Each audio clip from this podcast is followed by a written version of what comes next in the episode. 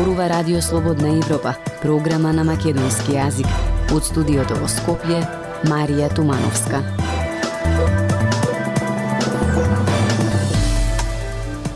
За многу кратко време група македонски државјани ќе добијат кривични пријави за тероризам и ќе одговараат за лажните дојави на бомби во училиштата и други објекти, вели министерот за внатрешни работи Оливер Спасовски во неделното интервју на Радио Слободна Европа. Коментирајќи ги обвинувањата на опозицијата, министерот вели дека нема селекција во битката против криминалот и нема привилегирани на едни или на други криминални банди. Во интервјуто зборувавме и за промената на новите регистарски таблички за кои Спасовски посочува дека се работи на изнаоѓање ново решение кое нема да биде на штета на граѓаните. Во продолжение, проследете го целосното интервју со министерот Спасовски.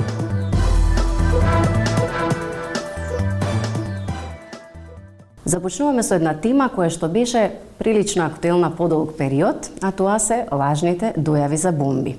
А, здивнавме одреден период не ги немаме такви вести или можеби само јавноста не е запознаена дека има повторно мејлови со лажни дојави за бомби. А, дали во меѓувреме продолжија да пристигнуваат можеби сомнителни мејлови од VPN адреси од Русија и од Иран? За нас беше многу важно безбедноста на граѓаните, на учениците, на наставниот кадар да биде на највисоко можно ниво и во тој дел апсолутно не е променето ништо со протоколите. Значи безбедноста мора да се очува на едно високо ниво. Вчера поднесовме една кривична пријава против еден малолетник и практично навлегуваме во една група на лица кои што а, учествувале во праќањето на дојавите по електронски пат.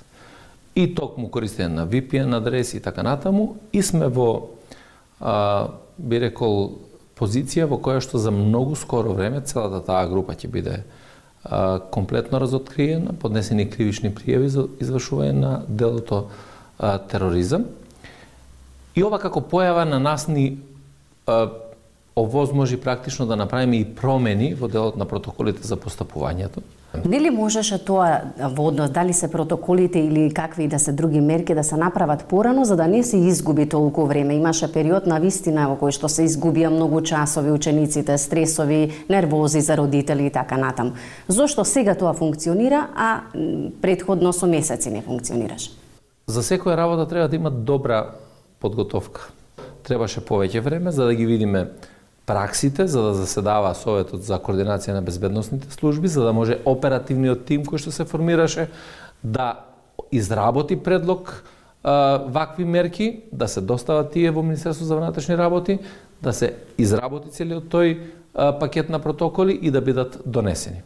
Индикативно е како од моментот на донесувањето на новите протоколи од утре дента а, имаме сериозно намалување или престанување воопшто на на дојавите. Тоа само укажува дека а, интензивно се работеше не само кон подготовка на процедурата, туку и во делот на истрагите.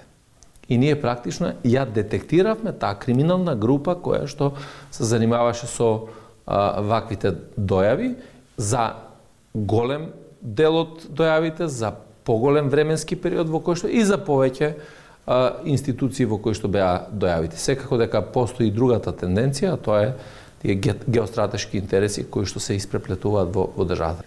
Групата која што ја спомнувате се однесува се за се работи за државјани македонски државјани? Да, ние поднесовме напоменам на почетокот кривична пријава вчера против едно лице, малолетник, меѓутоа се работи и на една друга група која што меѓусебно се поврзани во а, однос на, на дојавите. Така, се однесуваат само за а, дојавите за бомби. Затоа што не се само дојавите за бомби, имавме ние ситуации со многу нели така наречени сајбер напади, а, на кои што беа ранливи многу институции, државни институции, дел од министерствата.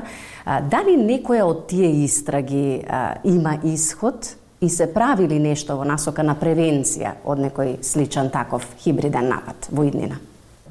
Истраги се водат за сите овие а, институции во кои што имаше хибридни напади, имаме Има ли напредок? Се, има сериозен напредок, се добиваат податоци информации, самиот факт дека треба овие податоци да ги обезбедиме преку меѓународна правна помош говори за тоа дека треба да има и подолго а, време од овој аспект. Приминуваме на уште една тема која што исто така сериозна. Во последно време а, забележуваме, гледаме дека се случуваат полициски акции со приведувања на нели лица кои што кај кој е пронајдена дрога. А, министре, имате ли сознание колку е достапна дрогата до младите и како се доведовме до ситуација да влезе другата и во основните училишта и да дел од тие актери се наставници. Таа војна која што ја води Министерството заедно со јавното обвинителство резултира со многу случаи во кои што имаме не само детектирано, туку разбиено криминални групи, банди кои што а, се насочени кон продажба на, на дрога. Ние практично овој изминат месец имавме оперативна активност на територијата на целата држава, токму на сузбивањето на уличното дилерство на, на дрога. Исклучително сме насочени кон разбивање на вакви криминални структури. Знаете за акцијата Безбедно лето, која што даде извонредни резултати во делот на намалувањето на криминалитетот и откривачката дејност. Сега одиме со Втора акција, тоа е безбеден град, која што е насочена токму кон тие криминални структури и криминални групи и тука интензивно ќе работиме во а, континуитет се со цел да а, мирот и спокојот на граѓаните бидат на едно високо ниво. Го спомнавте безбеден град. Токму за, за, за безбеден град имаше обвинување и се уште има од опозицијата дека министерот фаворизира одредени криминални групи и дозволува по скратена постапка дел од тие групи да добиваат дозвола за оружје. Кој би бил вашиот коментар? Па едноставно дека такви глупости кои што се изнесуваат во јавноста не соодветствуваат со никаква реалност. Вие не можете во исто време да имате борба против криминални структури и да заштитувате некого. И за припадниците на македонската полиција воопшто не е важно кој на која криминална група припаѓа. Така да знам ја за средби кои што биле одржани со највисоките представници на опозицијата со дел од овие криминални структури, веројатно мислејќи дека на тој начин ќе може да се да се помогне а, во некој друг аспект. И тие активности апсолутно не смеат да бидат во насока да се даде политичка подршка на било кој криминалец во, во државата. Така да, најголемиот дел од тие криминални структури од групите кои што се посочуваат се наоѓаат на издржување на казна затвор. И тоа се а, информации кои што се достапни, информации кои што можат секојаш да бидат споделени Меѓутоа, сите други криминални структури кои што се занимаваат со рекет, со закани и уцени и така натаму, интензивно продолжува борбата против секој еден од нив и тоа ќе продолжи понатаму. Е, токму тие криминални структури и нивните пресметки меѓусебни и убиства прават граѓаните да се чувствуваат несигурно и небезбедно. Имавме неодамна таков случај во еден угостителски објект Докаде е истрагата за случајот со убиствата во Шишабар? Имаме сериозен напредок во делот на ова истрага. Веќе обезбедивме еден добар дел од аргументи, факти и докази кои што одат во прилог на, на оваа истрага. А, сигурно дека тоа се пресметки, мотивите се пресметките а, помеѓу криминалните групи или внатре во криминалната а, група и тоа на крајот истрагата ќе го докаже и ќе го ќе го покаже. Едно прашање кое што верувам дека ги интересира многу граѓани, а се однесува на промената на регистарските таблички, кое што на автомобилите со нова ознака на МК според нели договорот преспанскиот договор. Uh, некои наши пресметки кажуваат дека uh, тоа ќе ги чини граѓаните околу 11 милиони евра. Зошто немаше ли начин таа обврска поинако да се спроведе, особено сега во период нели на економска енергетска криза и така натаму, да не падне нели на товар на граѓаните, та промената на табличките, да се направи на пример со налепници кои што би се ставиле врз постоечките таблички. Имаме ние а, формирано веќе работна група во Министерство за внатрешни работи кој што работи токму на овој аспект, бидејќи разговаравме со министерот за транспорт и врски, имаме комуникација преку Министерство за транспорт и врски со Макам Транс, заради тоа што промената подразбира и промена во делот на документација. документацијата на дозволите и така натаму.